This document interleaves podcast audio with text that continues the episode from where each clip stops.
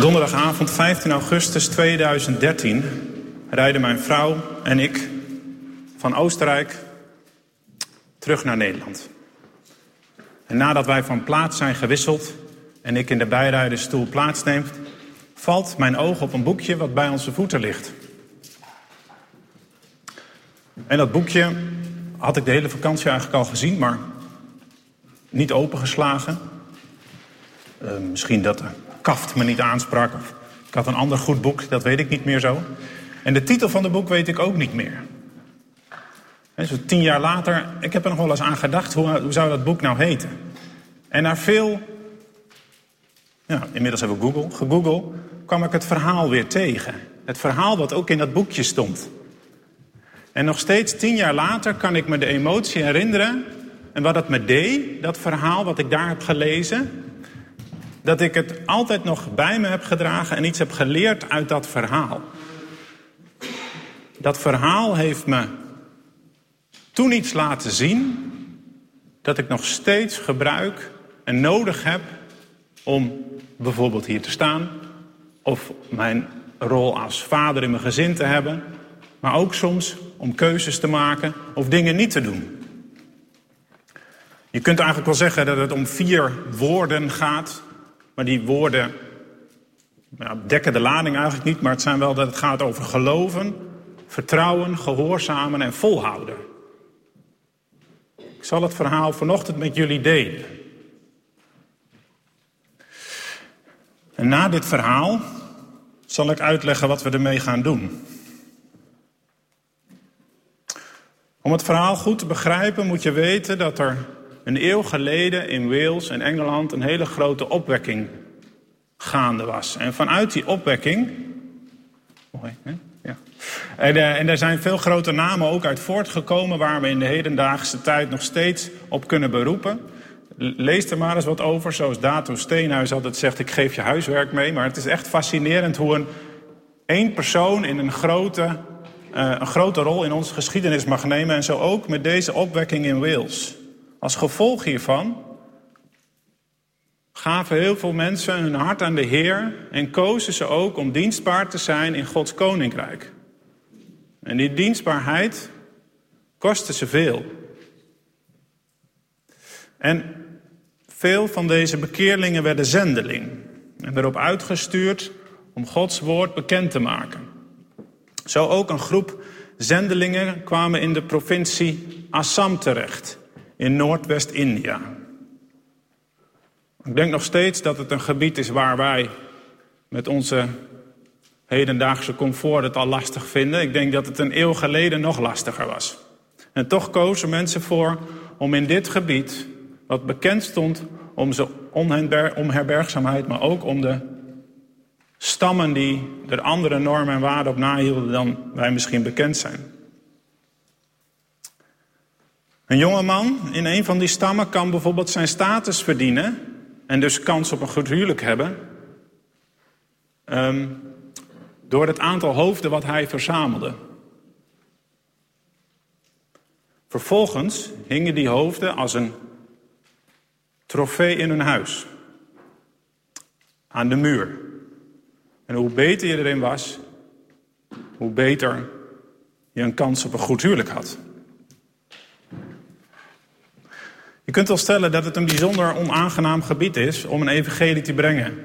En juist hier proberen een groep zendelingen uit Wales het evangelie te brengen.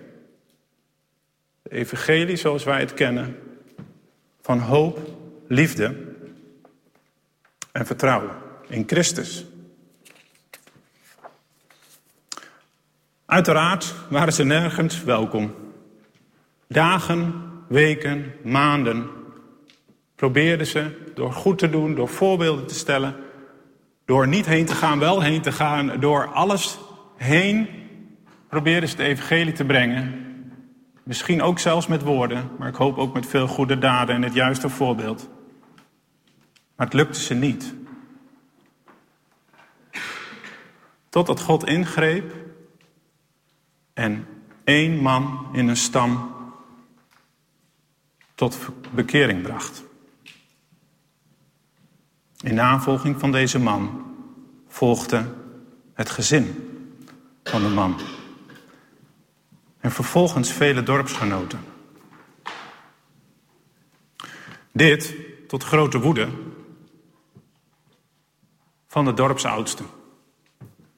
Ik weet niet of jullie een beetje inzicht hebben wat de macht van zo'n dorpsoudste is in dat soort gebieden. Maar met een goed gesprek was het over het algemeen niet mensen tot reden te brengen. Dat ging veel met voodoo, met moord, geweld. In ieder geval werd er duidelijk gemaakt dat als je bekeerd raakte en een ander geloof aanhing, dat je niet meer behoorde tot die stam. Op een dag riep de stamoudste de man die als eerst zijn leven aan Jezus had gegeven voor een onmogelijk dilemma. De man werd aan publiek met zijn hele gezin neergezet en kreeg een keuze. En die keuze was of je verlogent God of je sterft.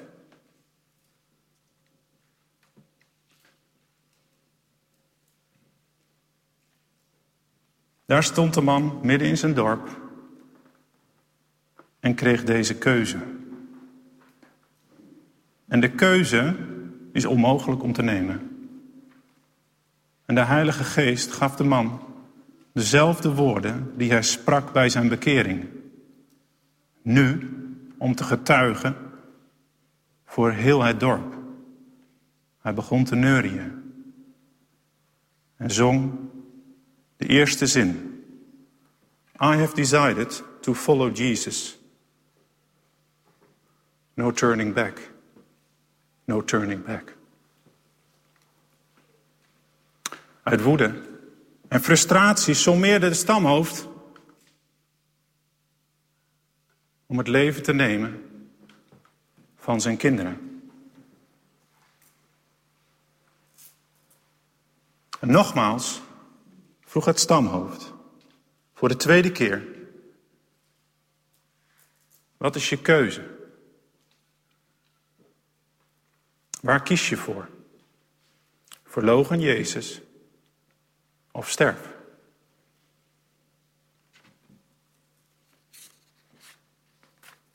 De man antwoordde, terwijl hij weer begon te neurien. Through no one joins me, still I will follow. No turning back. No turning back. Inmiddels volledig buiten zichzelf van woede, gaf het dorpshoofd de opdracht om zijn vrouw het leven te nemen. Binnen een paar minuten lagen zijn vrouw en kinderen levenloos aan zijn voeten. En voor de laatste keer vroeg de dorpshoofd: Ik geef je nog één kans.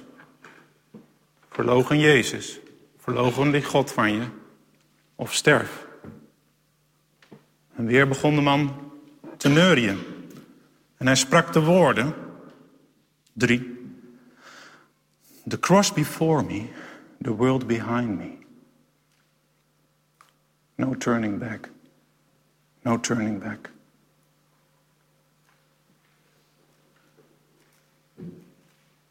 En het leven werd genomen van de man.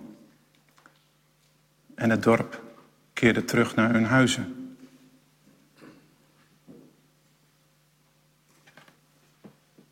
Maar het verhaal eindigt hier niet.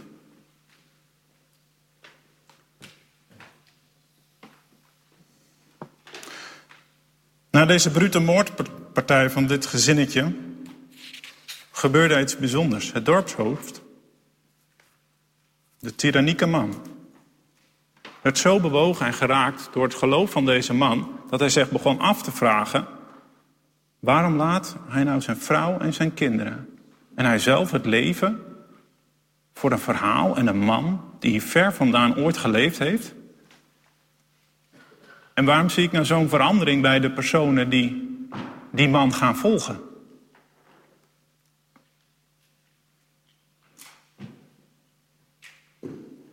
Hij kon niet anders concluderen dat daar machten achter zaten die hij niet had. En hij kon niet anders concluderen dan dat er iets gebeurde naar aanleiding van het verhaal dat hij spontaan, in een spontane geloofsbeleidenis verklaarde: Ik wil ook die Jezus volgen. Toen dit rondging in het dorp, kwam het hele dorp tot bekering. En vele dorpen met hem. In Matthäus 10, vers 39 staat: Wie zijn leven probeert te behouden, zal het verliezen. Maar wie zijn leven verliest omwille van mij, die zal het behouden. Amen. We gaan luisteren naar een lied.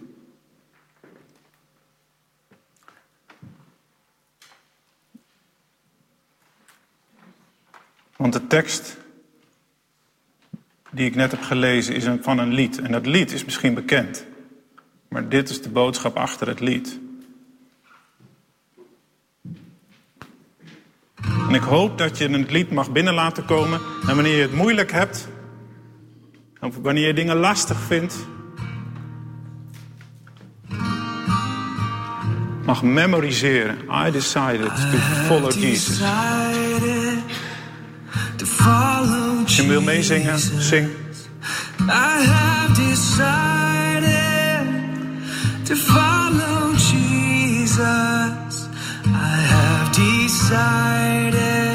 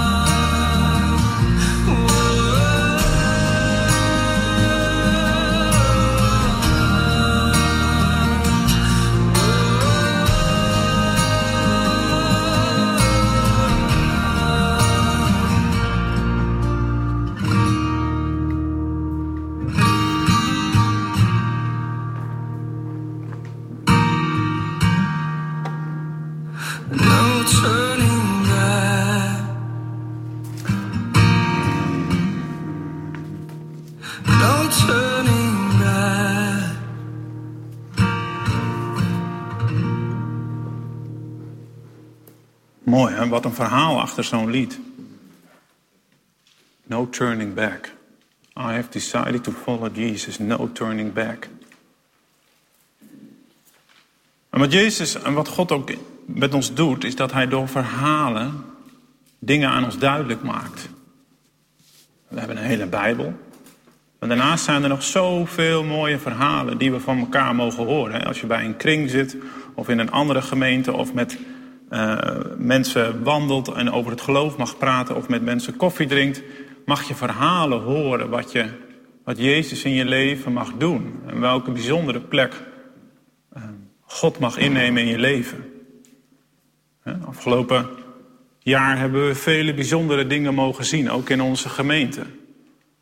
En die verhalen helpen ons om te beseffen dat we God nodig hebben. And I decided to follow Jesus, no turning back. En waar staan wij als het lastig wordt? Waar staan wij in de gemeente als het moeilijk wordt? Zeggen we dan ook, I decided to follow Jesus? Of gaan we dan naar een andere gemeente? Dat het daar wel fijn is. En waar zijn we als er gevraagd worden, we komen mensen tekort om deze dienst te leiden? En waar staan we als het lastig wordt in je huwelijk? Of met je kinderen op school? Of op je werk? Dat mensen iets aandoen omdat jij christen bent. Zeg dan in je hoofd, memoriseer dit nummer. I decided to follow Jesus. The cross before me, the world behind me. No turning back. Ik ben de eerste te erkennen die dat heel moeilijk vindt. Ik vind dat ook lastig. En als ik uit mijn comfortzone moet stappen om dingen, merk ik ook dat ik eerder denk van, nou, met een grap kom ik er wel mee weg. Of, nou, ik ben al druk genoeg, ik hoef niet zoveel te doen nu. Of het komt me nu niet uit. Schrijf mij maar op met die dingen. Maar we hebben geloofshelden nodig. In onze omgeving, misschien hier in de gemeente, maar ook met verhalen zoals dit.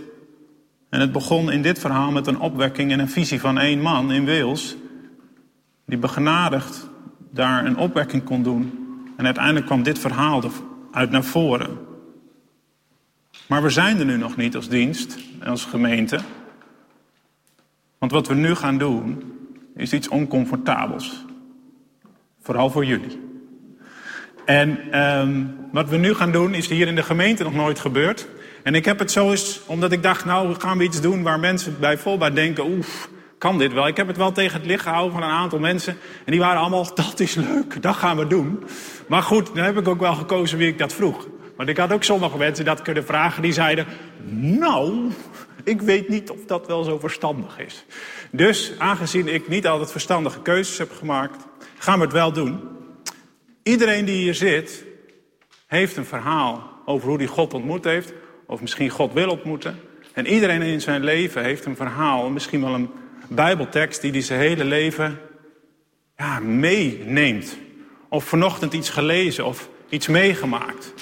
En wat is er nou mooi? Om dat aan elkaar te vertellen. Want weten jullie dat van elkaar? Denk het niet, zeker als je hier op vakantie bent. Kent bijna niemand hier. Dus wat we zo meteen gaan doen, is je maakt groepjes van zeven. En je vertelt aan elkaar wat misschien je Bijbeltekst is, wat dit met je heeft gedaan, wat misschien iets is wat je op je hart mee wil nemen, of wat je misschien Misschien wil je wel iets doorgeven aan iemand terwijl je het niet weet. Bid daarvoor. Dus zometeen gaan we allemaal staan. En alle volwassenen gaan bij elkaar in groepjes staan. Tieners, kinderen hoeven niet.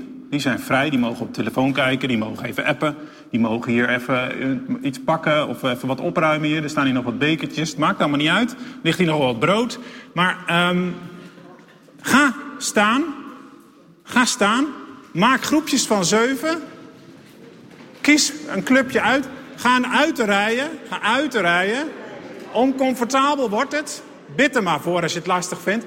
Je hoeft niks te zeggen als je het eng vindt. Je mag ook gewoon luisteren. Stel jezelf voor als je mensen niet kent.